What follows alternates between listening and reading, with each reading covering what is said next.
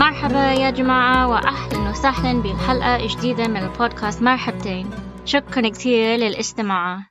أنا دائما مبسوطة لما بشوف قديش أشخاص سمعوا البودكاست تبعي من كل العالم. إن شاء الله هذا البودكاست أم يساعدكم بالعربي. اليوم راح أحكي لحالي عن الذكاء العاطفي.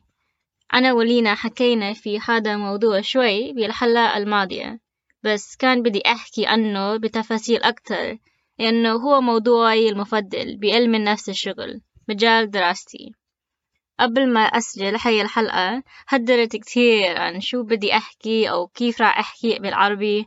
بشكل عام هذا موضوع صعب حتى لو بحكي باللغة الإنجليزية بس بنفس الوقت كان بدي تحدي فإن شاء الله راح تستفيدوا من هاي الحلقة. okay تمام. عم أحكي كثير اليوم. عندي هاي المشكلة بالإنجليزي كمان. خليني نروح على الموضوع. فأول شي شو يعني الذكاء العاطفي؟ الذكاء العاطفي هو لما منعرف نفهم ونتعامل مع عواطفنا وكمان منعرف نفهم ونتعامل مع عواطف الناس التانيين. لما منقدر نعمل هيك منقدر نستعمل هاي المعلومات عشان تساعد تفكيرنا أو تصرفاتنا. ببساطة الذكاء العاطفي لما إحنا نكون مدركين إنه عواطفنا بتأثر على تصرفاتنا أو تفكيرنا وبتأثر على الناس التانيين بطرق إيجابية وسلبية. مثلا إذا منفكر في الوباء كثير ناس بيعانوا من القلق وهي العاطفة مش سيء بالمرة. هي راح تساعدنا إذا بنعرف كيف نتعامل معها. بس إذا ما بنعرف كيف نتعامل معها القلق راح يأكلنا وما راح نفكر بوضوح فالسؤال المهم هو كيف نحسن ذكائنا العاطفي؟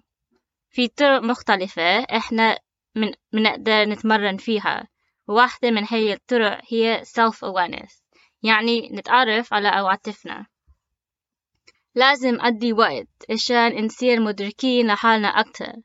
منقدر نكتب مذكرات عن مشاعرنا.